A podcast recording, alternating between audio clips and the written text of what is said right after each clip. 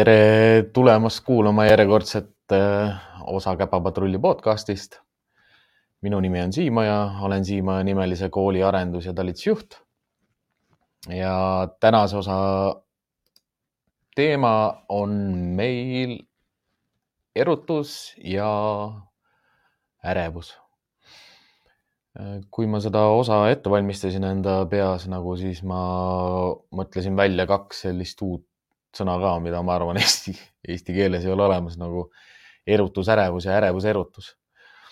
ja miks need teemad on tulnud järjest rohkem nagu mulle ka pähe või päevakorda, on jällegi endiselt seotud selle tegevusvaldkonnaga, kus ma olen. käitumisspetsialist, koerte käitumisspetsialist, kellena ma tege-, tegutsen ja tegelen igapäevaselt erutus ja ärevus ei ole kumbki sellised asjad, mis on minu jaoks võõrad. kumbki pole sellised asjad või mõisted või tähendused või tunded koertes, mida ma ei näe igapäevaselt. nii ärevust kui erutust on kõikides koertes, kelle, kelles rohkem, kelles vähem kui te kuulate, vaatate meie podcast'i, siis äh, meie tegevust äh, toetab väga palju see, kui te like ite või siis tellite meie kanali. kui te tellite, siis teil ei jää ükski osa vahele, sest teavitus siis osa toimumise kohta tuleb teile meili peale. Äh, miks olla osa, osa vaataja laivis ongi see, et laivis on kõikidel vaatajatel võimalik esitada küsimusi kõikidele küsimustele vastame kindlasti. see aitab ka teemat arendada ja mõtestada.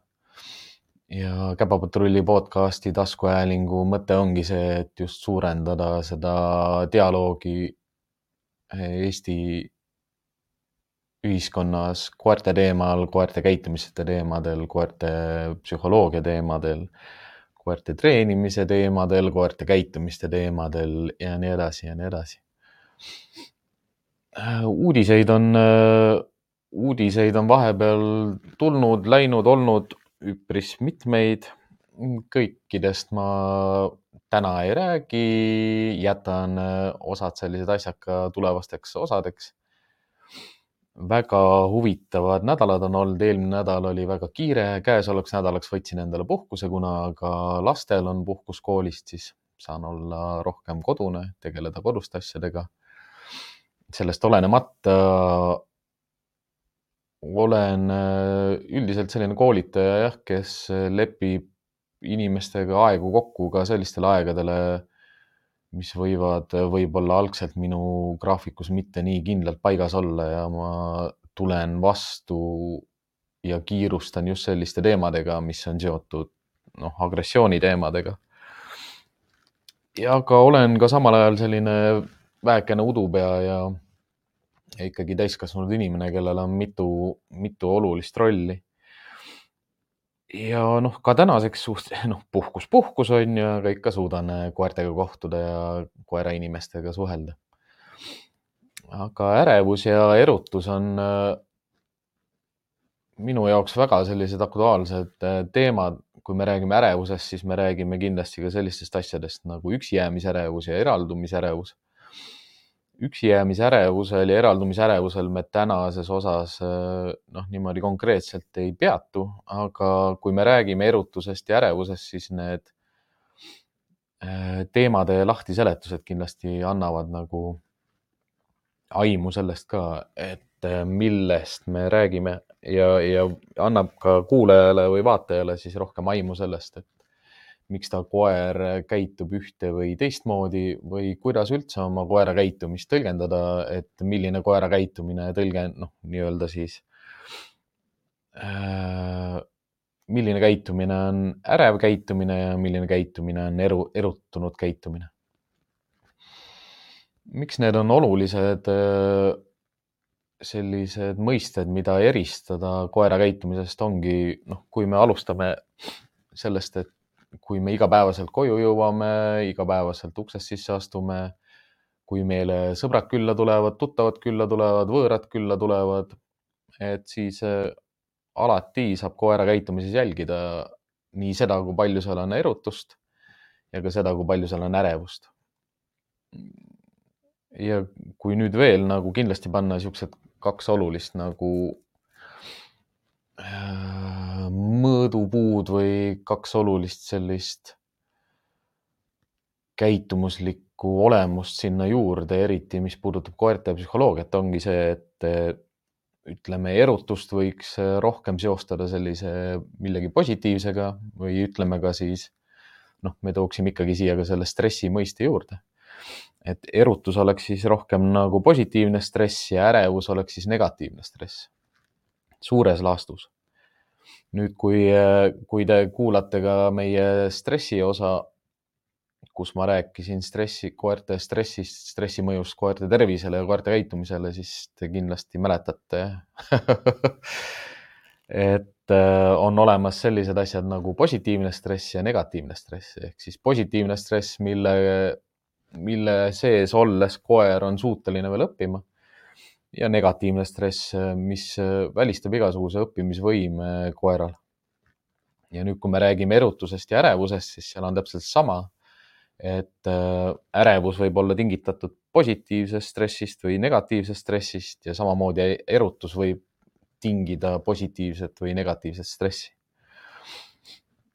nüüd äh, noh, kui võttagi näiteks niisugune äh, tavaline käitumine, mis on üsna tavapärane, ka selline murekäitumine inimestel on, kui ma jõuan koju, siis koer hüppab, noh, hüppab peale võib olla ka selliseid koeri, kes elavad väljas, kes tulid väljast, tervitavad inimesi, kes jõuavad koju, kes jõuavad aeda, kes jõuavad tuppa.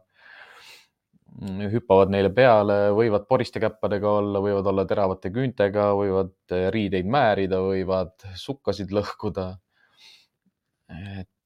On inimesi, keda see ei häiri, on inimesi, kes on ise õpetanud, et, et ta tahabki, et ta koer hüppaks talle peale aga üldiselt siis koera peale hüppamine on selline käitumine, mida, mis, mida koerad omavahel teevad ainult mängus või siis positsiooni karjas äh,, positsiooni karjas määrates. Aga meie õpetame neid lihtsalt selle liigse erutuse tõttu seda käitumist kordama.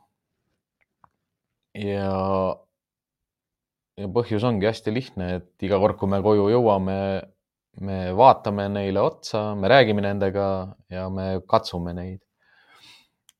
ja erutus ainult kasvab, ehk siis tegemist on pigem nagu positiivse stressiga, sest äh, erutuse käigus noh, ta on õppimisvõimeline, kõik meie puudutused, kõik meie tegevused äh, talletuvad õppimiseks ja käitumine ei vähene, vaid äh, kinnistub ja hakkab korduma ja, ja hakkab üle kanduma ka kõikidele teistele inimestele.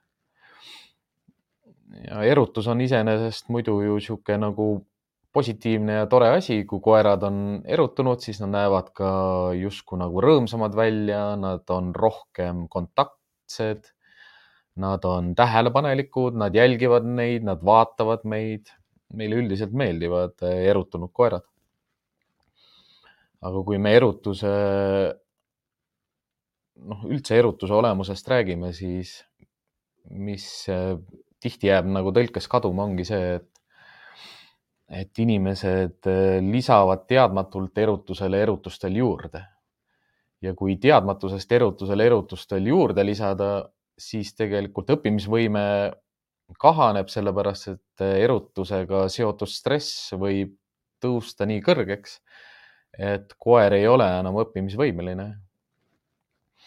noh, mingeid selliseid näiteid tuua näiteks ütleme sellisest klassikalisest treeningust või koolitamisest, kus, kus koera peale hüppamist või teiste koerte peale haukumist või ma ei kujuta ette, liigset rihmast tirimist püütakse ümber õpetada maiusega. ehk siis koer on niikuinii erutunud Äh, ma ei taha, et ta teise koera peale auguks, ma suunan ta näiteks lõhnaga ümber või mingi häälkäsklusega, ma lisan erutusele erutust. Äh, ma premeerin äh, noh, näiteks istumist, kui ma andsin talle selle käskluse, selle istu käskluse andmisega ma tõstsin veel erutust. Nüüd, kui ma lõpuks selle maiuse andmise juurde jõuan, siis selleks ajaks võib koera noh, stress olla nii kõrge juba, et ta ei ole enam õppimisvõimeline. jah, ta reaktsiooni põhjal nagu sööb kõik ära, teeb kõik ära, reageerib kõigele, mida ma tal palun teha, kas siis häälega või kehakeelega või maiusega meelitades. aga õppimist ei toimu, kuna stress on nii kõrge ja erutunud koer äh, võib ka noh, täpselt samas olukorras olla ärevus, ärev. noh, mis ongi hästi huvitav nii erutusega ärevuse puhul ongi see, et äh, nad võivad vahetuda hästi kiiresti. ja nad võivad äh, noh, käiagi edasi-tagasi, sisse-välja, sisse-välja, sisse-välja, erutusest ärevusest, ärevuseks erutusest, erutuseks ja osad koerad, kes, kes hästi kiiresti nagu oma siis ütleme sellise temperamendi tõttu võivad äh, olla väga ärevad või olla väga erutunud kogu aeg. siis sellisel juhul ütleme, et kui tegemist on teiste koertega, noh, ütleme rihma reaktiivsusega teiste koerte suhtes või, või lihtsalt teiste koerte nägemine muutab, muudab ta käitumise justkui erutunuks võib see, selle käitumise aluspõhi olla hoopis selles, et ta muutub ärevaks. ja, ja noh, minu jaoks see, see kaalukauss, kus ta nagu noh, nii-öelda ärevusest erutuseks või erutusest ärevuseks kallutubki, ongi see, kuidas seda stressitaset vaadata. et kõrge, kõrge erutus, kui see stress läheb väga kõrgeks, siis ta muutub, lükkub üle nagu ärevuseks, ärevuse, ärev koer jälle ei õp-, ei ole õppimisvõimeline. erutunud koer kõrges erutuses ka ei ole õppimisvõimeline. aga ütleme, erutuse positiivne mõju on suurem kui ärevuse negatiivne mõju ehk siis paras selline pudru ja kapsad. aga mis ongi hästi huvitav, on see, et koerte käitumises nagu erutunud käitumine ei pruugi alati olla seotud positiivset, positiivse meelestatusega, noh, et kui näiteks niisugune näide tuua, et äh, minna, minna mm, toipuulile koduvisiidile, astud uksest sisse, koer on nii erutunud, et ta lausa haugub, noh, kuna inimene tuli, ta on hästi rõõmus, ütleme, et ta ei ole selline koer, kes kardab inimesi, vaid tal on äh, talle on sisse õpetatud see, et kui inimesed uksest sisse tulevad, siis hakkab pidu pihta. noh, ehk siis hakatakse rääkima, pööratakse kohe tähelepanu talle, kõik head asjad tulevad. ja ta on erutusest nii erutunud, et ta hakkab haukuma. nüüd see inimene, kes sisse tuli, ei katsu, ei räägi, ei vaata, ei pööra talle tähelepanu, kuna ta on äh, koerte käitumisspetsialist, ta ei taha toita seda valet käitumist, ta ei taha erutusele erutust lisada, ehk siis kui ta räägiks või vaataks talle otsa, siis ta lisaks erutusele veel erutust. ja kui ta kükitab maha, siis see koer hüppab talle käppadega kohe peale, sest äh, see koer on väik-, kutsikas saati harjunud sellega, et, et kui inimesed kükitavad, siis nad võtavad ta sülle kohe. õpitud ja forsseeritud käitumine, koer hüppab peale. käitumisspetsialist äh, kahe sõrmega äh, hammustab teda ribide tagant. ja see koer ehmatab. ehk siis ta läheb sellest erutusest kohe ärevusse ja ärevusest ta keerab ohule selja ja tagurdab selle käitumisspetsialisti jalgade vahele. ehk siis noh, see on selline lugu, mida ma räägin iseenda kogemusest, kui ma käisin ühel koduvisiidil. ehk siis erutunud koer äh, teeb kõiki oma käitumisi järjest erutusest tingituna ja kohe peale minupoolset puudutust muudab ta oma käitumismustrit äh, sada, kolmsada kuuskümmend kraadi ja muutub ärevaks. aga kuna kuna see erutunud olek, kus ta on ilmselt väga-väga pikka aega olnud, on muutunud, muutnud teda ka selliseks neurootiliselt, neurootiliselt ärevaks, ehk siis ta on pidevalt ärev ja erutunud. siis, kui ma kui ma blokeerin või lõhun selle tavapärase käitumismustri ära puudutusega, siis ta, tema loomulik koera käitumine muutub täiesti valeks, ehk siis koerad ei keera kunagi ohule selga. aga ma tean, et ta näeb mind ohu, ohuna, sellepärast et ta muutus ärevaks. veel vähem ta tagurdab tagurdab selg ees ohu suunas aga mis ongi hea, on see, et kui su energia on selline rahulik ja enesekindel, siis ega koer tuleb küll sinu poole lähemale ka siis, kui ta on ärev või kardab, kuna ta tegelikult ei taju sinus ohtu. mis ongi, mis ongi juba selline, ütleme häiretasemel ärevuse, erutuse selline kitsastee või kuristik ongi see, kui kui koer oma käitumisega enam ei suuda eristada või mina ei suuda tema käitumist jälgides eristada enam, millal ta on erutunud ja millal ta on ärev. ärev koer võib väga erutunud välja näha, aga tegelikult ta on äh, mingil määral hirmul, mingil määral ebakindel, mingil määral äh, rahutu see paistab täpselt samamoodi nagu erutunud koer välja, aga ta on ärev ja näitab välja erutust selleks, et vältida karistust või siis, või siis äh, suunata seda suhtlust millegi endale kasuliku poole. mis ongi, mis ongi, ütleme sellise erutunud ja äreva käitumise puhul hästi huvitav ongi see, kuidas nad võivad olla äh, samaaegselt üksteist mõjutada, üksteist põhjustada, teineteist toetada. ja inimesed tihtipeale ei, ei oska oma koera käitumisest tõlgendada seda täpselt ära. et kas osad käitumised, mida ta teeb, teeb ta sellepärast, et ta on erutunud või, või osad käitumised, mida ta teeb, on põhjustatud sellest, et ta on ärev.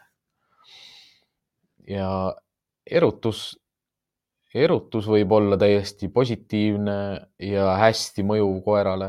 ütleme, et ongi sõbralik koer ja rõõmus koer ja sihuke õnnelik koer, noh, näeb õnnelik välja koer. hästi sotsiaalne, hea suhtleja. ja see erutus ei kasva tal kunagi nii kõrgeks, et ta hakkab sellest erutusest tingituna noh, muutub justkui nagu hüperaktiivseks. noh, sellised koerad, kes erutust tundes muutuvad hüperaktiivseks, ehk siis noh, inglise keeles öeldakse, et hakkavad zoom ima või noh, niimoodi ringe tegema ja, ja ringi jooksma, ongi rohkem põhjustatud tegelikult sellest, et sellest erutusest ta ise loomana proovib tegelikult lahti saada, sest ta teab, et kui ta teeb hästi kiiresti neid ringe hästi palju, siis ta väsib rohkem ära ja see aitab tal seda erutust vähendada. aga samal ajal seda koera vaadates sa saad aru ka seda, sellest, et ta tegelikult on ka mingil põhjuses ärev. ehk siis ta tunneb ärevust selles erutunud olukorras ja selliseid koeri siis võibki nagu nimetada justkui sellisteks nagu tagumisteks koerteks, kes on reaktiivsemad ja ärevamad. Ja nende erutus või selline erutunud käitumine on tihtipeale põhjustatud pigem nagu ärevusest kui, kui siis erutusest, mis peaks justkui inimeste inimeste sellise vaate läbi olema justkui nagu rõõm või õnn. aga tegelikult ta on ärev. ja ta käitumine on põhjustatud rohkem nagu hirmust või, või ohu, ohu vältimiseks äh, muutub hästi mänguliseks või tantsuliseks just sellepärast, et vältida äh, noh, ütlemegi vältida karistust, mida ta justkui nagu Äh, kujutab ette, et see võib tulla. nii, Enge, noh, siiamaani meie ainukene vaataja, kes laivis on praegu küsib, et hei, kas koerte oma karjas ka erutust, ärevust, suumimist eksisteerib ja kuidas see lahendatakse? kui, kui vaadata niimoodi koerakarjas sellist erutunud või ärevat käitumist, siis see tavaliselt lahendatakse, noh, kui ütleme, selles karjas peab olema üks sotsiaalne koer. sest liik, noh, me ei räägigi sellisest äh, erutusest, mis on näiteks noh, liputan saba ja, ja olen hästi sõbralik ja lasen ringi, vaid me räägime erutuse ja ärevuse kui probleemi puhul rohkem sellisest erutusest ärevusest, mis on üleliigne erutus ja üleliigne ärevus. ja kar-, koerte karjas sellist suumimist ja, ja liigset erutust ja ärevust teised koerad, kes on sotsiaalsed, keelavad või piiravad. Sellepärast, et äh, loodus tahab olla tasakaalus ja rahulik. looduses koerad, kes elavad tasakaalus, naturaalselt, rahulikult, neil ei ole vaja sellist erutust ja ärevust lihtsalt niisama, noh sotsiaalses kontekstis, et saime kokku ja nüüd läheb peoks. noh, miks sellist erutust ja ärevust hästi palju inimmaailmas koertel esineb, ongi sellepärast, kuidas me nendega suhtleme, kui palju me nendega häält kasutame, kui palju me neile tähelepanu jagame. koerakarjas, mida suurem see kari on või mida kogenum või mit, mida mitmekülgsem see kari on, siis sellist ärevust ja erutust hoitakse hästi palju all või kui seda on üle, üleliigselt, siis ka osad koerad, kes on liigselt erutunud, võivad teiste koerte käest karistada saada. sest nad, noh, koer hoiab sellist tasakaalu, kui keegi karjas on liigselt erutunud, siis erutus rahustatakse maha. noh, üldiselt ta ongi rohkem niisugune, kas keegi uriseb või, või põrnitseb lihtsalt pilguga vahest, äh, kui koeri jälgida, siis sa saad aru niimoodi, et ta vaatab nagu meelega niimoodi pingsalt otsa, et nagu rahune maha. ja noh, teine osa, mida ta samal ajal selle põrnitsemise ja vaikimisega ja mitte kaasa minemisega teeb, on see, et ta väldib seda käitumist, et mitte seda premeerida. ütleme noh ma ise pakun, et mul ei ole olnud koduvisiiti. kui, kui ma, kui ma lähen uksest sisse, kui ma lähen aeda, kui ma lähen äh, kliendi juurde ja ma ei kasuta ühte või kahte nendest kolmest lausest. ära räägi nii palju. ära katsu teda praegu. ja kolmas, mis on hästi palju tihti öeldud. noh, täna oli ka, et sa võid ta lahti lasta või siis pane ta maha noh, ja põhjus ongi hästi lihtne, ehk siis äh, kui ma näiteks helistan, ma helistan alati ette, ennem kui ma hakkan jõudma, inimese olemus muutub, kas ta muutub ise ärevamaks või erutunumaks ja koer, noh, võtab selle energia endale. ja ta ju kuuleb ka, kui koputatakse või kella lastakse või fonolukuga helistad ja koer ise tõmbab ennast juba käima. ja põhjus on jälle väga lihtne, et, et kõik need varasemad trepisammud, ukse avamine, ukselingi klõbin või mida iganes, seostub koera jaoks sellega, et eh, nüüd keegi tuleb ja see keegi, kes tuleb, see räägib, katsub ja vaatab ja lükkab ja noh, teeb kõike, kui vaja, sügab kõrva tagant ja mida iganes. ehk siis see erutus kasvab juba nii kõrgeks.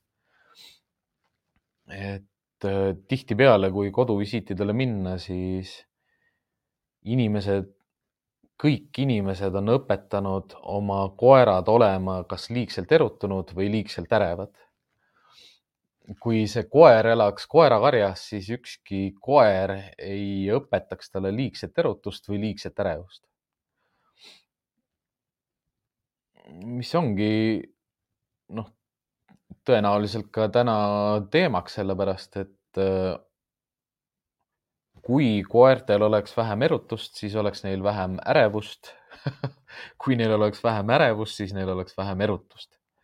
kõige klassikalisem ju selline, kõige klassikalisemad sellised, noh, ütlemegi kõige klassikalisem erutus on see koju tulemise erutus ja kõige klassikalisem ärevus on üksi jäämise ärevus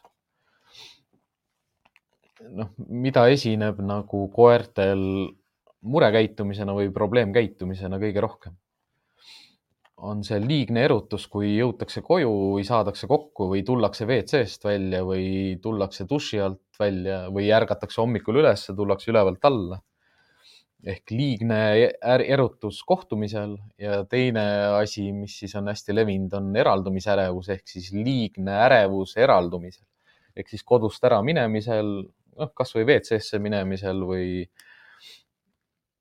noh, kõik, mis on seotud selliste jälle käitumismustritega, mis koertel on, et kui ta kuuleb äh, võtmete klõbinat või, või ta näeb jälle seda mälupilti, kuidas ma hakkan, äh, kuidas ma hakkan riideid selga panema.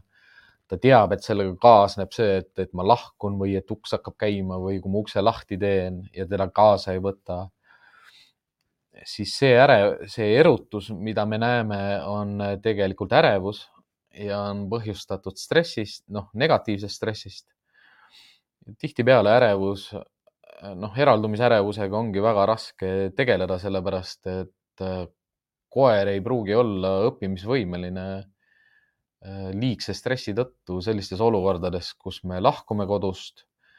me oleme saanud võib-olla mingid nõuanded treeneritelt, et noh, ma ei tea, ütle talle, et äh, noh, rahulikul hääled, et äh, ole nüüd tubli ja jää üksinda siia, et ma lähen käin poes ära. või anda talle, noh, jätta talle midagi närimist või jätta talle midagi otsimist, et noh, tihtipeale need asjad ei tööta, sellepärast et see liigne ärevus, mis tekib inimese lahkumisel, on nii kõrge, et ta ei ole õppimisvõimeline. ja kuna see ärevus säilib, siis, siis ka tema käitumises midagi ei muutu mis võib muutuda, ongi see, et, et äh, ta võib, noh, ma näitangi praegu õhus niimoodi nagu jutumärke, et ta võib suumima hakata. Noh, mida koerad tege-, teevad, kui nad on ärevad, on äh, hauguvad, kraabivad, äh, närivad, noh, hävitavad ennast või ümbrust. ehk siis noh, see juba kallubki väga palju sinna Äh, üksijäämisärevuse peale ehk siis noh, eristatakse eraldumisärevust ja üksijäämisärevust. eraldumisärevust nimetataksegi selliselt sellepärast, et see kestab ainult äh, lühi-, noh, ütleme mõistliku aja. niikaua, kuni inimene läheb uksest välja, läheb äh, trepikojast alla, paneb auto käima ja sõidab minema. koer on nii kaua ärev, sellepärast et iga sellel hetk, iga selle sammu vahel on väike lootus koerale, et äkki ikkagi uks läheb lahti ja tema võetakse ka kaasa. Aga nii kui ta lõplikult teab, et ta ei kuule enam inimese häält, ta ei tunne tema lõhna, ta ei kuule ühtegi seonduvat õpitud heli, mis selle äraminemisega seotud on, siis ta ärevus langeb, ta rahuneb maha, läheb tasakaalu ja siis tegutseb edasi, noh, kas, kas ta nuusib võib-olla veel korteris ringi, et, et kontrollida, kas äkki keegi on veel kodus või aru saada, et kui kaugele mindi või kontrollida seda, et kas, kas toiduasjad ja joogiasjad ja kõik asjad on oma koha peal või, või on need ka muutunud veel. samamoodi võib koer lihtsalt minna oma koha peale, visata pikali. Koer võib ka jääda sinnasamasse koridori pikut-, noh, visata pikali ja, ja jääda ootama, millal uks jälle lahti tehakse ja inimene sisse tuleb ütleme, et jälle see ärevusastmed on erinevad, mis säilivad või, või mis tekivad inimese lahkumisega. aga ütleme jah, kui ta läheb juba häiretasemele, siis ikkagi räägitakse juba eraldumisärevusest või sellest üksijäämisärevusest. et kui koer, noh, see ongi see, et koer on ärev terve see aeg, kui, kui inimest ei ole. noh, kas seda inimest, kes teda kasvat-, kes teda kasvatanud on, see inimene, kellega koos ta elab. see võib olla ka hotellis niimoodi, et hotelli hoidja läheb ruumidest ära ja koer muutub tänu sel-, noh, kui, kui see hooldaja on ruumis, siis ta on nagu kergelt ärev. aga kui see hooldaja veel ruumist ära läheb, siis ta muutub nagu väga ärevaks. Aga ütleme jah, see see, milline on koera erutuse tase või milline on koera ärevuse tase, oleneb väga palju sellest, äh, kellena, noh, milline on selle koera temperament, energiatase. see ei olene kunagi nagu tõust. et noh, ma ei tea, Inglise bulldogid on rahulikumad, noh või ma ei kujuta ette, spitsid kõik äh, on närvi, närvilised haukujad et see ei ole kunagi nagu tõus kinni. et ta on alati koeras, koera enda temperamendis kinni, koera energiatasemest kinni, koera temperamendis kinni. see, kui hästi ta kontrollib oma tundemaailma või oma jah, tundemaailma ikkagi. sest ärevus on tunne ja erutus on tunne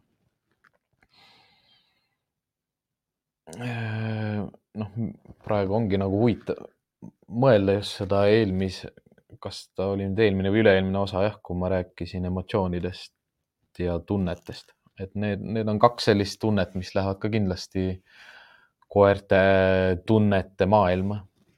on ärevus ja erutus. nii äh,, väga palju kas-küsimusi, ma saan ainult ei või jaa vastata Äh, kas eraldumise ja üksi jäämise ärevusega peab tegelema?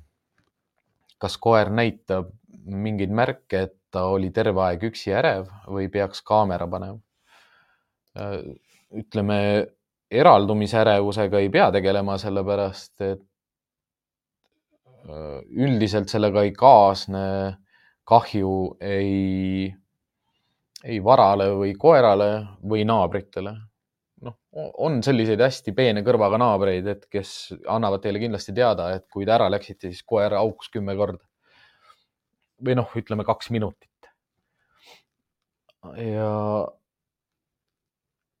ja noh, kaks minutit ei ole pikk aeg, noh, pikk aeg ongi see, kui see jääb kestma, kui see ei lõppe ära, kui see on pidev, siis peab, siis peab sellega tegelema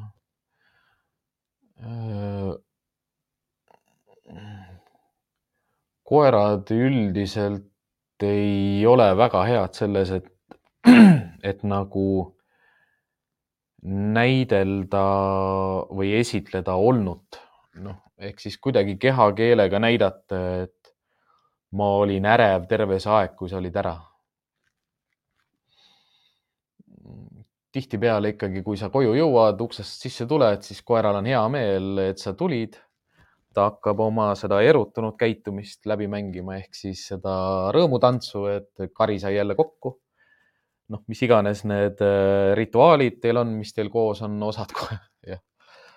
koerad teevad igasuguseid asju, toovad mänguasju või, või jalanõusid või hüppavad peale ja noh, kõik, kõik see on liigne erutuse märk, aga ütleme, et võib-olla see oleks, on mõne, noh see oleks mõnes mõttes niisugune hea märk sellest, et ta on olnud äh, ärev, kui ta on, äh, ei, ei saa jälle paralleeli tõmmata, et sellisel puhul ei ole nagu see märgiks, et, et noh, näiteks, et koer on liigselt ärev, et ma jõudsin koju, ma näen, et ta on liigselt erutunud, noh, ta on nii erutunud, et noh, varem ei ole nii erutunud olnud, siis see ei ole tihtipeale seotud sellega, et, et ta on pikalt ärev olnud koerad ei ole sellised head nagu äh, näitlejad või oma selle tundumuse või, või, või, või liigse ärevuse või erutuse sellised järel, noh, järelnäitlejad, et nad annavad oma käitumisega märku, et, et, et, et neil, et nad olid väga ärevad pigem see jääb nagu koju tulejale ka nagu teadmata. aga noh, teatud selliseid märke võib lihtsalt hakata nägema rohkem just selle pealt, et kas siis naaber ütles, et koer, koer haukus sellepärast, et ise ma lähen koju, ma ei saa midagi aru. või, või ütleme jah, siuksed vahetud käitumised, et kui ma hakkan lahkuma, et mida ta siis teeb, kas ta hakkab siis rahutult ringi käima või noh võib olla täitsa niimoodi, et ma panen telefoni taskusse ja võtan võtmed juba, siis näen, kuidas koer hakkab edasi-tagasi käima või hakkab hästi kiiresti hingeldama. aga nüüd see, et, et ta kodus olles, üksi olles oli väga ärev. seda ta ei suuda pärast nagu sulle ette rääkida või kehakeelega ette näidata, et see kaamera noh, mis ongi tänapäeval väga hea areng nagu toimunud, ongi see, et selliseid spetsiaalseid kaameraid, koerte kaameraid, neid on kõikvõimalikke, erinevaid, see ei pea üldse olema koerakaamera, ta võib olla valvekaamera. võid oma telefoni jätta, mille iganes, et koertega on see asi, et et nad ei saa sellest ka aru, et noh, täna ma ei käitu niimoodi, sellepärast et ma tean, et see otsib kaamera, et ma siis mängin kaamerale kuidagi teistmoodi. Mis mul lihtsalt selle, selle küsimusega tuli nagu veel seostus, on, on see küll jah, et ütleme, sellised vahetud koju jõudmised või jõudsin koju ja saan aru, et koer on väga ärev siis see vahetu ärevus on põhjustatud pigem millegist, millegist vahetust, mis on toimunud. ja noh, võib olla selliseid koeri ka, keda, kellele tekitab ärevust see, et sa jõuad koju. noh, võib-olla, võib-olla tal oligi üksinda nagu lõbusam ja parem olla, et, et nüüd sa tulid koju, noh, nüüd ta muutub jälle ärevaks et sellist käitumist võib aeg-ajalt nagu kohtuda ja noh, need ongi pigem äh, need juhused, kus koer on võib-olla jah, midagi lõhki ära, noh, midagi ära lõhkunud või, või närinud midagi või siis pikalt ärev olnud. ja vahetult ennem, kui sa koju jõudsid, siis ta kas siis lõpp, oli lõpetanud selle või, või tuli ära selle juurest, mida ta just tegi aga see käitumine, mida ta kordab, on seotud ikkagi sinu tulemisega ja selle ärevusega, mida ta tundis, mida ta just kuskile kulutas. Tihtipeale inimesed tõlgendavad seda justkui sellena, et, et, et ta tunneb ennast süüdi, et ta lõhkus midagi või et, et, et ta saab aru küll, mida ta valesti tegi ja sellepärast ta on selline, aga jah, sellistel juhkudel võib ollagi see, et et äh, nii selle päeva kava, nende inimeste energiad, mis, äh, mis olid toas, mis läksid toast, need mööbliesemed, mis liigutati, see masin, mis unustati käima, mis lihtsalt suriseb ja undab ühe koha peal pikalt see naabritrell, mis ei, mis lõhkus vannitoa plaate terve selle aja üles, kui ta üksinda kodus oli, tekitas tas nii palju ärevust, et selle, selle negatiivse stressi ehk siis äh, halva energia kulutamiseks ta pidi midagi, noh, ta pidi selle energia kuskile panema siis ma kujutan küll ette, et koera käitumine võib olla teistsugune, sest see oligi midagi sellist, mis oli tavapärasest teistsugune. ja ta kasutas kogu oma selle ärevuse millegi, noh, suunas selle millegi närimisele või lõhkumisele. noh, teadmata seda, kas see on sulle oluline või ei ole, materiaalseid väärtuseid koeri, koerad ei tea noh, välja arvatud see jah, et neid osadele koertele pigem meeldivad suuremad mänguasjad kui väiksemad mänguasjad, kui sa annad valida. aga see ei ole seotud nagu materiaalse väärtusega, see on nagu mahuga või suurusega seotud.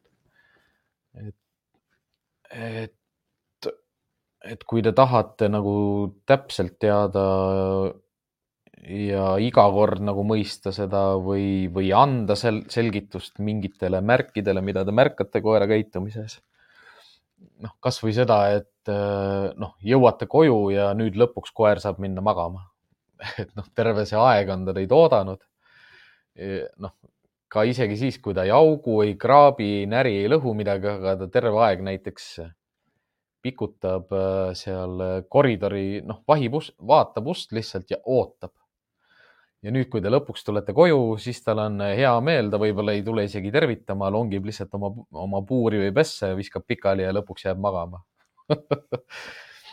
Aga noh, ütlemegi, et äh, mis on ju siuksed tugevad nagu mm, kaasaaitavad negatiivsed mõjurid koerte käitumise halvenemisele ongi ju magamatus, katkendlik uni liigne ärevus, kui ta on üksinda kodus, liigne erutus, mis tekkis ärevusest, kui ta oli üksinda kodus.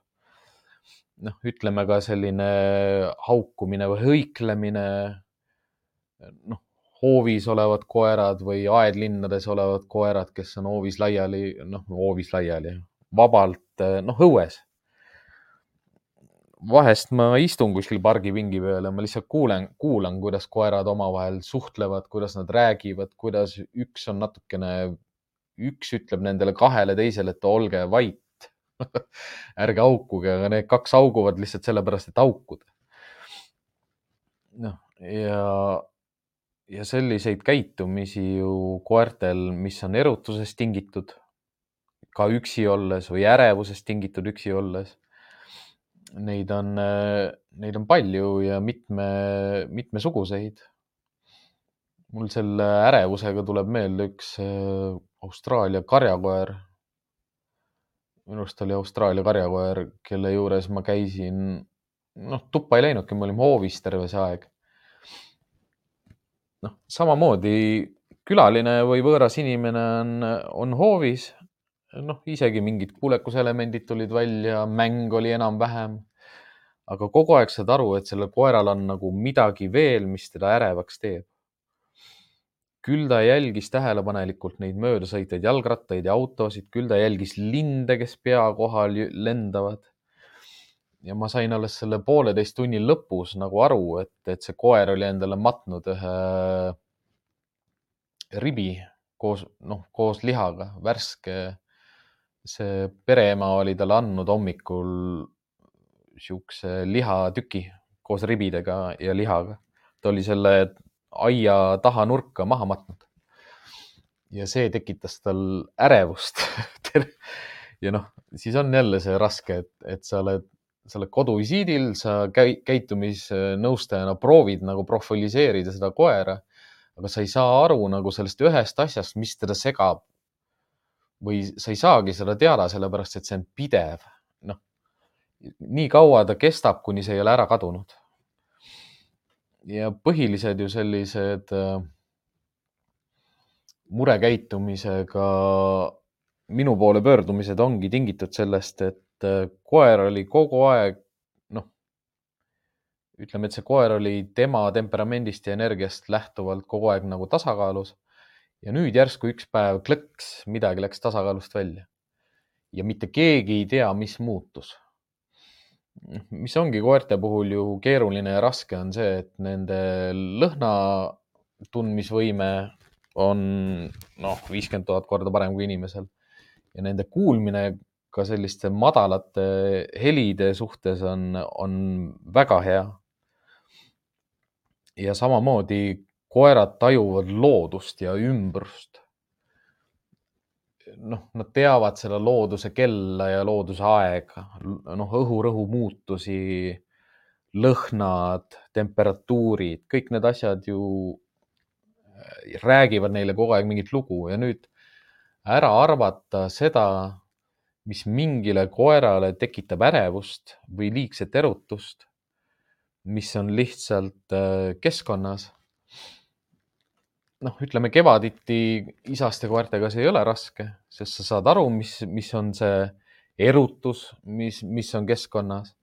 samamoodi emaste koertega sa saad aru, et mis on see ärevus keskkonnas, et noh, on selliseid emaseid koeri, kes tahavad või soovivad leida endale paarilist, sest nad tunnevad ennast kindlalt ja on täitsa hea söögi peal ja, ja kodu on soe ja pehme.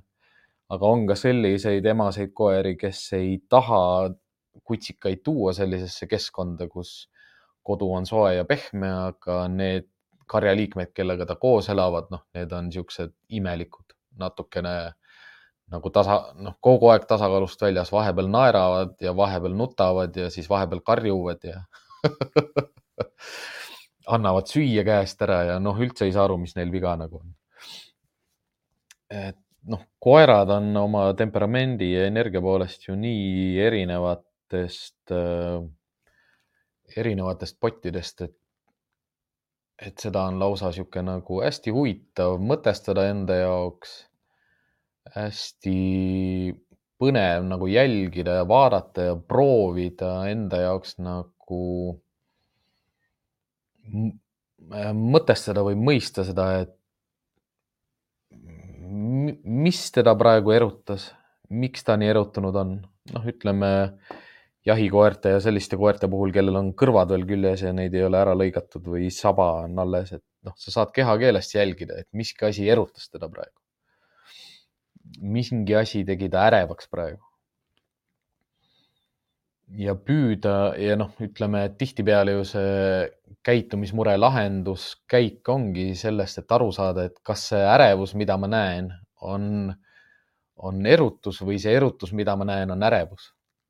Ja kui see on erutus, siis mis seda erutust põhjenda-, põhjustab ja kuidas ma saaksin seda erutust vähendada, liigset erundust, erutust vähendada. noh, ütlemegi klassikaline, see ei katsu, ei räägi, ei vaata et kui koju jõuad, ei katsu, ei räägi, ei vaata, ei lisa erutusele erutust. Või siis teistpidi, ütleme, osade koerte juurde lähed niimoodi, et ega ta ei tahagi sinuga väga midagi teha, noh, tegemist teha, ta ei tule lähedale ja ta ei taha mingit puudutust saada, siis võid küsida enda käest, et mis ta nii ärevaks teeb. et mis on see ärevuse tekitaja, miks ta must eemal hoiab? noh, et ta ei pea alati olema nagu hirm ja noh, sama, sama asi on, on äh, koertega, mis on üsna levinud, on see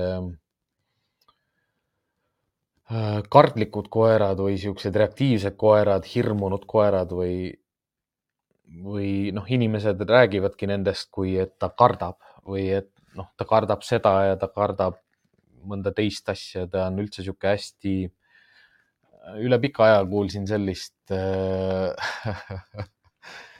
sellist terminit nagu beetakoer ehk siis noh, alfakoerad ja beetakoerad. et ta on nagu beetakoer, ta ei ole kunagi alfa, et ta on alati beeta. et ongi see, et, et noh, kust ja millest see, millest see beetakoer või see kartlik koer nagu tuleb, ongi rohkem see ärevus, mis temas on. ja see ärevuse hulk on ka erineval tasemel. ja alati kartlik koer ei olegi hirmunud koera, vaid ta on ärev aga see võib, see võib põhjustada samamoodi koerale lihtsalt nii palju stressi, see är, pidev ärev olek, mm, mis hakkab tema vaimset tervist juba, mitte ainult vaimset tervist, vaid ka füüsilist tervist mõjutama. nii. jälle, jälle see suletud küsimus, kas oota, ma loen selle läbi ennem, siis ma vastan sulle lihtsalt ei või jaa. Äh, noh, jah, kas ärevusest tekkinud erutus läheks millalgi ise üle, kui situatsioon jääkski kestma? kas ärevusest tekkinud erutus läheks millalgi ise üle, kui situatsioon jääkski kestma? jah. lühikene vastus sellele on jah näiteks õue minnes liftisõit alla kestaks väga-väga kaua, siis kas koer väsiks, tüdineks ära värisemisest? Värisemine ei ole koerte puhul ju hirm ja noh, ütleme noona puhul on ta kindlasti erutus, jah. erutuse, noh, ütleme, et erutus on nii kõrge juba, et ta hakkab värisema, aga noona puhul võiks seda ka vaadata kui ärevust. et ta on nii ärev, et ta hakkab värisema üldiselt siis jah, äh, sellele esimesele osale vastaksin, et jah, et äh, ärevusest tekkinud erutus läheb üle, seda nimetatakse koerte käitumise modifitseerimises või koerte käitumismuutmises või koerte käitumise kirjeldamises selliseks asjaks nagu flooding. ehk siis äh, üleküllastumine või jah, ütleme selle hirmu, erutuse, ärevuse. noh, tihtipeale ta on seotud ikkagi hirmu ja ärevusega. kasutatakse sellist meetodit nagu flooding või üleküllastumine ehk siis koeri, koeri saab üle küllastada mingite asjadega, mis talle erutust või ärevust tekitavad ja lõpuks noh, toimub selline asi nagu extinction burst. ehk siis see instinkt lõhk, noh, öeldakse justkui nagu ta lõhkeb. aga selle ja selle lõhkemist kinnitab see, et see käitumine enam ei kordu. või siis väheneb. noh, minu jaoks ikkagi on tal nagu kaks tähendust, üks on, üks on see, kus tänu sellele küllastumisele see ärevus või erutus hakkab vähenema. sest koer on õppimisvõimeline. noh, floodingu, miks, miks hoiatatakse inimest selle eest, et mit, mitte floodingut nagu kasutada koera käitumise mõjutamisel, ongi see, et kui, kui see flooding tekitab liigset stressi ja õppimise, noh, vahet ei ole, kas ta on liigne erutus või liigne ärevus või hirm. ja koera õppimisvõime tänu sellele on null. kuna ta on liiga stressis, siis ei ole sellest flooding ust nagu kasu. aga flooding ut saab kasutada ka väga nagu nii-öelda eesmärgipäraselt, kus ma, kus ma tahangi, et ta jah, noh, nagu sa kirjeldad ka, et, et see liftisõit võikski jääda kestma nii kaua, kuni ta enam ei värise, aga see eeldab seda, et ta väriseb nii kaua, kuni ta väsib ära, noh, ta keha väsib ära. et ta stress, stressitase langeb juba sellepärast madalamale, et ta lihtsalt ei jõua stressis olla või ärev olla või erutunud olla. ja õppimisvõime taastub ja, ja ja tunne, mida ta siis selle pingutuse lõpus nagu tunneb, on rahu. noh, rahu. mitte erutus, mitte ärevus, mitte hirm nagu neud-, noh, ütlemegi, see oleks selle ründab, põgeneb, väldib, alistub, ta oleks selle ründab, põgeneb, väldib, alistub. Äh, ta oleks see alistumise osa ehk siis leppimine olukorraga leppimine eluga selliselt, nagu ta on. noh, sest kui me mõtleme liftisõidu peale, siis see ei ole mitte mingi oht see ei ole mingi võimalus, see ei vallanda mingit noh, ütleme toidulaviini, ohu, ohu, noh, uksed jäävad lahti, ainult, ainult halba saab tulla, uksed jäävad lahti, ainult head saab tulla. et ta ei vallanda liftisõit ongi lihtsalt liftiga sõitmine. trepist alla minemine on lihtsalt trepist alla minemine. inimestega kohtumine on lihtsalt inimestega kohtumine. sellel ei ole mingit erutavat ega ärevust tekitavat nagu tähendust kaasas. kuidas me võime neid erutust ja ärevust äh, sellistes olukordades forsseerida, ongi see, kui me räägime, kui me proovime lohutada kui me teeme kuulekusharjutusi, kui me pöörame tähelepanu sellele, noh, samamoodi seda ei saa eirata, sellepärast et noh, me saame aru ju, et see värisemine liftis on, on koera jaoks ju noh, tema kehale ikkagi väljakutse. kuna ta on selle põgenen, väldin vahel kinni, noh, põgenen, väldin, põgenen, väldin, ta keha on selle, selles kinni ja ta peaks saama alistuvasse alistuvasse olekusse ehk siis olukorraga lõppemis, leppimisse, siis noh, ütleme, et see ongi selliste koerte puhul nagu hästi keeruline, kes on energilised, kel, kes liiguvad palju, kes on tugevad, kes on vastupidavad ja nüüd mul on vaja tema, tema käitumist hakata parandama. ja teades seda, et mul on selleks, et ta käitumist ma saaksin parandada, et teda flooding uga või üleküllastumisega tuua sellesse rahumaailma. see eeldaks ikkagi seda, et, et ta enne, kui ta lifti läheb, teeb hästi palju tööd ehk siis nagu enne lifti minemist on juba väsinud, aga kui me mõtlemegi selle peale, et, et me ärkame hommikul üles, lähme koeraga lifti ja sõidame alla, siis ta ei ole ju väsinud, ta on terve öö maganud ja puhanud. tihtipeale noh, tihtipeale jah. noh, minu kogemus lihtsalt Amstaffide ja bittidega on see, et kuna ta aretuselt on nagu terrier pitbull, kiire ja vastupidav on kokku pandud, siis isegi selline jooksulindi kasutamine, basseinide kasutamine, noh, ujumine, jooksulind, rattad, rullluisud. noh, üks variant on ju jah, seda liigset erutust või ärevust äh, vähendada ülevalt alla tulles, aga seda saab ka vähendada nagu alt üles minnes. lihtsalt, et mis tähendus sellel liftil ja lifti sõidul on, noh, uksed lähevad kinni, ma olen siin kuubiku sees. mis see lõhn, mis see koht, mis see, need hääled tähendavad? noh, kuna koerad on hästi nagu keskkonna ja, ja keskkond, lõhn, olek, inimesed, kes seal on, noh, kes keskkonnas on, nad on hästi sellistes mälupiltides või mälumustrites nagu kinni, mida saabki mõjutada. ehk siis, kui mõjutada seda mälumustrit, siis ka tema käitumine muutub, aga sellesse mälumustrisse on vaja õppimine sisse tuua. ja see ongi noh, ütleme selliste energiliste ja ärevate koerte ja erutunud koerte puhul keeruline sest nende õppimisvõime on üsna pidurdunud äh, sellistes olukordades, kus nad muutuvad ärevaks või muutuvad erutunuks. noh, millegipärast jah, praegu silme eest jooksevad kogu aeg läbi nagu Amstaffid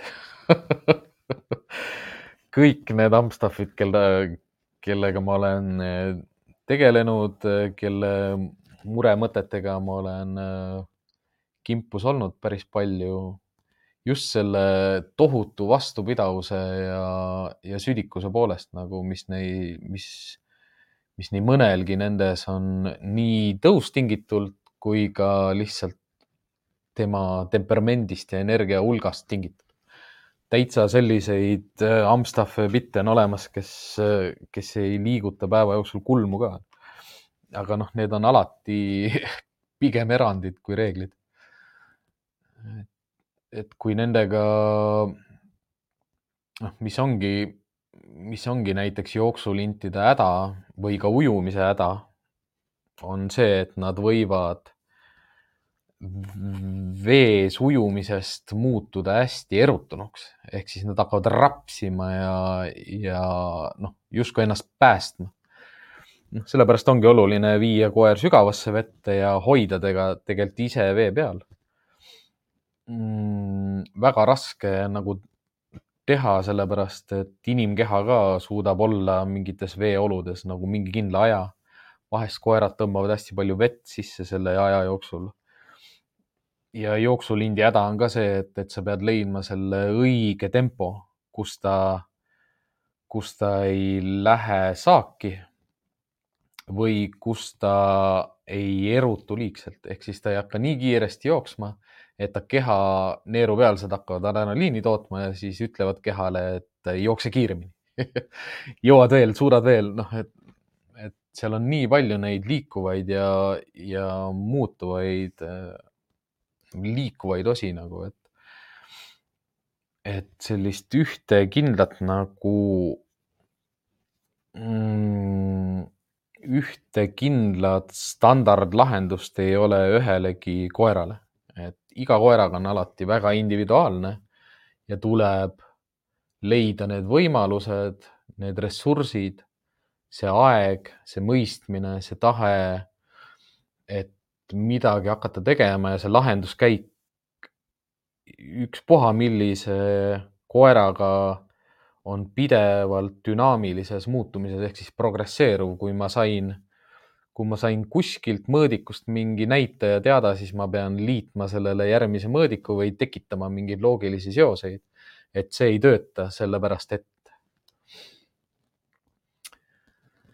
äh, Amstaffid väsivad küll seda ma tean, seda ma tean ise ka äh,. aga mul lihtsalt kogu aeg tuleb meelde üks Amstaff, kes ei väsinud, noh, ma ei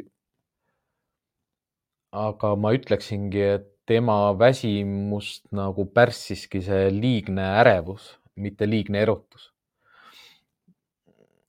sest erutusega sa saad esimese osa talt nagu ära võtta, aga see ärevus jääb, jääb kandma nagu seda õppimisvõime puudumist.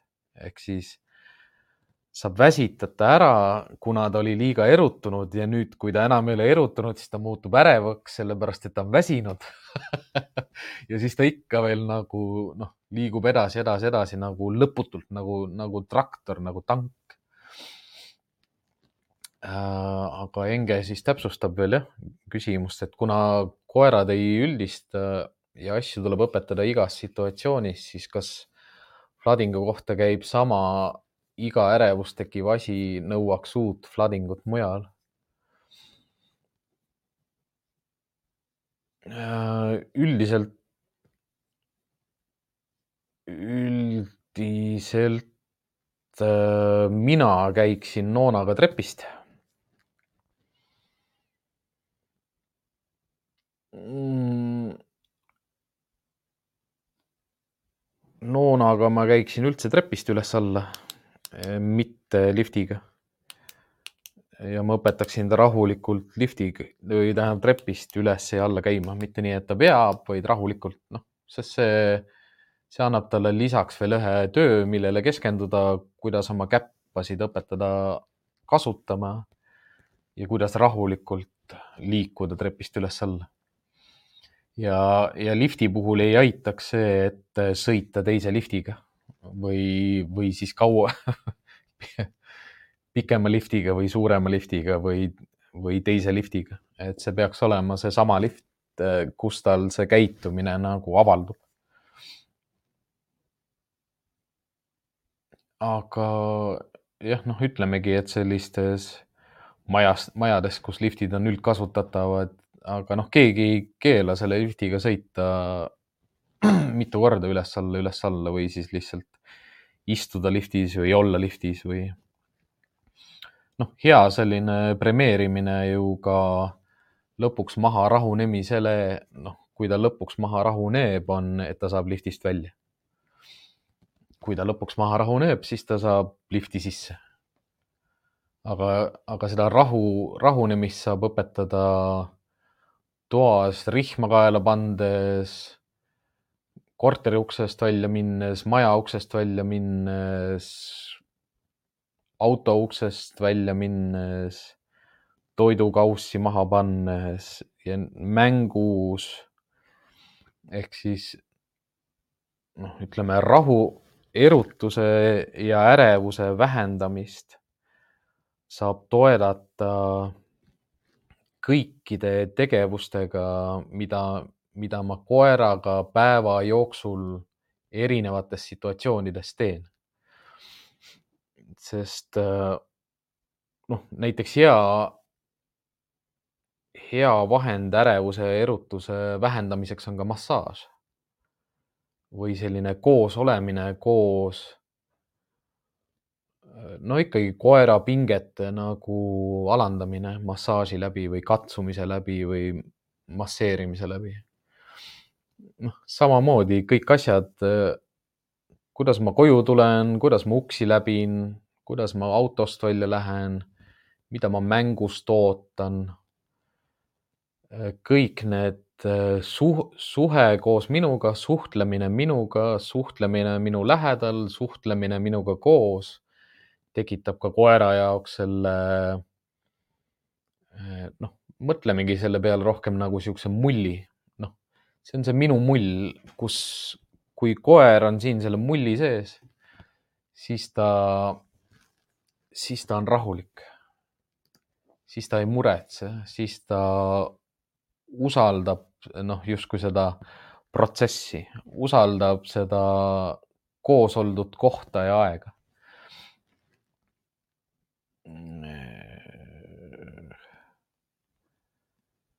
et tihtipeale see, noh, mille peale mu mõte praegu läks, on see, et, et kui inimesed arvavad, et koer rahuneb maha tänu sellele, et ta jäi vanemaks, siis äh, ma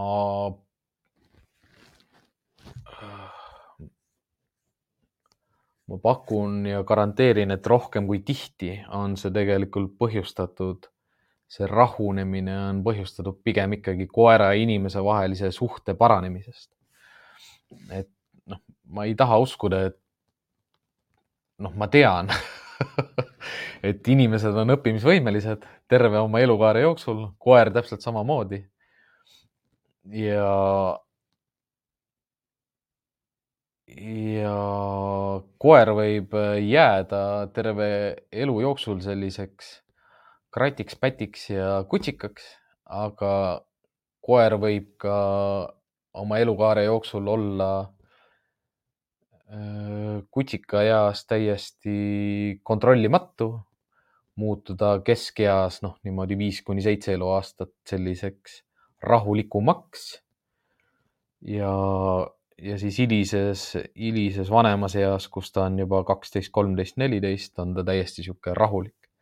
Ja see põhjus ei ole alati see, et ta sai vanaks, vaid see, et ka inimene selle elukaare jooksul sai teadlikumaks, oskuslikumaks mõistvamaks ja, ja koer ju õpib kogu aeg, ega mida mulle meeldib ka alati inimestel nagu seletada, on see, et koer ei õpi ainult siis, kui sa lähed trenni. koer ei õpi ainult siis, kui sa oled treeningsaalis ja koer ei õpi ainult siis, kui sul on treener platsi ääres, kes äh, ütleb sulle, kuidas koera treenida, vaid koer õpib kogu aeg, iga päev, igal pool, igal ajal. et ei pea trenni minema, et koer õpiks aga miks äh, rohkem võib-olla tulebki tähelepanu pöörata just nagu erutuse ja ärevuse kontekstis sellele, et kas ta on piisavalt rahulik, et õppida, kas ta on piisavalt, noh, kas ta ei ole liiga ärev, et õppida ja kas ta ei ole liiga erutunud, et õppida. Et noh, see tuleb hästi tugevalt sisse mängus ja see ka, kuidas ma mängu koertele õpetan et kui te mänguvideosid vaadate, vaatate või mängu osa uuesti järgi kuulate või mängu blogi loete, siis ma õpetan koerad alati mängima ilma sõnadeta, ilma hääleta. noh, põhjus ongi suuresti selles, et äh, mitte neid mängus liigselt erutada. ka lubavate või keela, keelavate sõnadega. kõik koerad suudavad mängida inimesega ilma sõnadeta. saada aru, millal on vaja lahti lasta, saada aru, millal võib võtta, saada aru, millal on vaja ära tuua, saada aru, millel ei, ei, noh, ei ole vaja ära tuua noh, näiteks eseme markeerimine. Lihtsalt, et ta näitab, kus see on, aga ta ei too seda ära. ta lihtsalt näitab, kus kohas see on või kogub kokku mänguasju või noh et need asjad ei pea käima häälega. mäng tasub alati õpetada koerale selgeks kõigepealt ilma hääleta. ja kui mul on ja nüüd ma saan, kui mul mängus juba toimuvad sellised asjad nagu lahtilaskmine ja võtmine kehakeele järgi, siis on palju parem neid hakata nimetama. noh, kasvõi see, et mida tähendab siia mida tähendab anna, mida tähendab võta, millal ma neid ütlen, milline kehakeel sellega kaasneb. ja kas ma nüüd, see on nüüd minu enda otsustada, kas ma noh, nii-öelda fade in selle kehakeele sealt välja või ma ei fade'i seda välja, noh, et ma ei, kuidas seda eesti keeles öeldakse siis ähm, noh, nagu hajutan, hajutan mingi kehakeele tähenduse äh, sellest tegevusest välja see oleks juba noh, mina ei tea, professionaalsed koertekoolitajad, võistlused, sellised asjad, kus ma, kus ma tegeleksin üldse sellega, et, et koerale mingeid häälitsusi õpetada. et täiesti, täiesti sobiv, täiesti paras, täiesti tasakaalus, täiesti meeldiv, täiesti kasulik on koerale mitte seda liigset erutust ja ärevust õpetada, noh, mis ongi kogu see kuulekuskoolitus istu, istu, lama, lama, siia, siia. noh, pluss veel see naiste, naiste kõrgem hääletoon, mis niigi tekitab liigselt erutust ja ärevust. noh, just sellises kontekstis, et kui koer on liigselt ärev ja liigselt erutunud, kui ma tahan teda aidata ja toedata, hakkan järjest vähem häält kasutama, järgin, ei katsu, ei räägi, ei vaata reeglit, suhtlen koeraga väga palju kehakeeles ja kehaga blokeerides, suunates. Noh, ma ei tea, kasvõi ma ei tea, tõstes. rihmaga, rihmaga juhtides. Noh, paljude koerte maailm, paljude koerte liigne erutus ja liigne ärevus juba paraneb ja langeb tänu sellele, et äh, ma räägin temaga vähem, ma mulisen ja jahvatan temaga vähem. ma võib-olla ka patsutan, patsutan ja paitan teda vähem. Äh, ma lähen temaga harvemini konflikti. Mm, noh, ma ei, ma ei tegele temaga nagu ressursi kontrollimisega. noh, kui mäng saab läbi, siis mänguasjad lähevad ära. kui toit läheb maha, siis seda võib süüa. et sinna ei ole vaja lisada niisugust oota, oota, ei, ei noh, tulebki Pako meelde, kes mul istus viisteist minutit siin koridoris, et, et millal ma talle lõpuks luban sööma hakata. aga kuna ta ei saanud minu, noh, minu hääl ei ole samasugune nagu omaniku hääl, noh, siis ta ootab seal, on ärev kogu aeg või erutunud kogu aeg, noh, pole vaja ju. kõik asjad võivad käia vähe, väiksema ärevusega, väiksema erutusega. ja seda saab, seda seda saabki, seda on vaja ja seda peabki koerale õpetama kõikides elu aspektides, et see liigne ärevus, mida sa praegu tunned, see ei ole, see ei ole õigustatud, sellel ei ole tegelikult põhjust, sest vaata mind, ma olen rahulik. see erutus, mis sa tunned, ma ei luba sellistes kontekstides, sellises olu, oludes sul erutuda selle mälupildi peal, noh, ütleme teine koer, lapsed, mm, veerev pall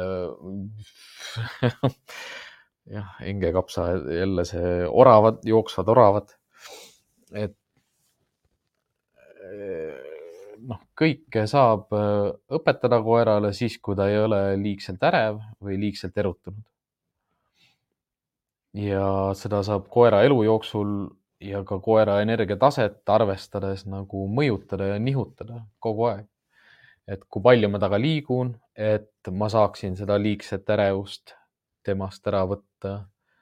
mis tegevusi ma temaga koos teen, et temalt seda liigset ärevust ära võtta. Et noh, noh, praegu ka selline mõte, mis nagu iseenda tööpraktikast nagu tuleb ka, et kui ma näiteks hoian, kui mõned koerad on minu juures hoiul, kes on liigselt ärevad või liigselt erutunud siis ju ma näen seda tema käitumisest. Ja kui ma esimesel päeval näiteks jalutan kaksteist kilomeetrit ja ma järgmine päev samal kellaajal näen, et see erutus või ärevus on ikka sama kõrge, siis ma, siis ma nüüd liigun viisteist kilomeetrit või kaheksateist kilomeetrit või kümme kilomeetrit koos mängusessiooniga. et, et kui koerad on teil endal kodus kogu aeg, noh, nagu nii-öelda see, see pilt, pilt on pidevalt teie ees, milline see on, kas see on ärev või liigselt ärev või liigselt erutunud, otsib tähelepanu no ütleme, et sellised ärevuse märgid ongi ju see, et pidev selline kontaktivajadus, jälitamine, tubades ring, noh, tubades inimeste jälitamine, jälgimine, valvamine. noh, see on pigem ju ärevusest tingitud, erutu, noh, liigne erutus on haukumine, noh, ka selline tähelepanu nõudmine, häälega tähelepanu nõudmine, kraapimine, hüppamine. Et noh kui ma näen, kui ma näen liigselt erutunud pilti või ma näen liigselt ärevat pilti, siis ma saan sellega tegeleda. ja üldiselt, üldiselt need, need tegevused, mis aitavad, on äh, alati ja pigem ilma hääleta. koos liikumised, koos jalutamised, koos mängimised just see energia kulutamine, ma võin kasvõi istuda maha ja hakata koeraga mängima mingit otsimismängu, kus ta peab toitu otsima. või ostan Niina Otossoni need mänguasjad, mis on erineva raskusastmega ja mängi koos koeraga neid mänge. kas aitan tal lahendada või lihtsalt vaatan, kuidas ta lahendab. jälle selline selline hea viis, kuidas koeraga koos midagi teha, väsitada tema vaimu, meelt, tema keha. et noh, see ongi sihuke, ta on sihuke pidev pidev tegevus, pidev äh, nokitsemine, pidev pigem noh, väike sihuke putitamine kogu aeg, et, et saada paremaks, paremaks, paremaks, paremaks. tihtipeale ongi ju osade, osade mure koerte lahendus ongi see, et, et inimene noh, kuidas nad ise ütlevad ja täna mulle öeldi, et, et noh, et et ju siis ma pean oma südame kiviks tegema, et noh, ei pea südame kiviks tegema, ole lihtsalt vait, noh. ma ei ütle seda ühelegi inimesele niimoodi otse, et ole lihtsalt vait, ära räägi, noh, ära räägi, noh, palun ära räägi.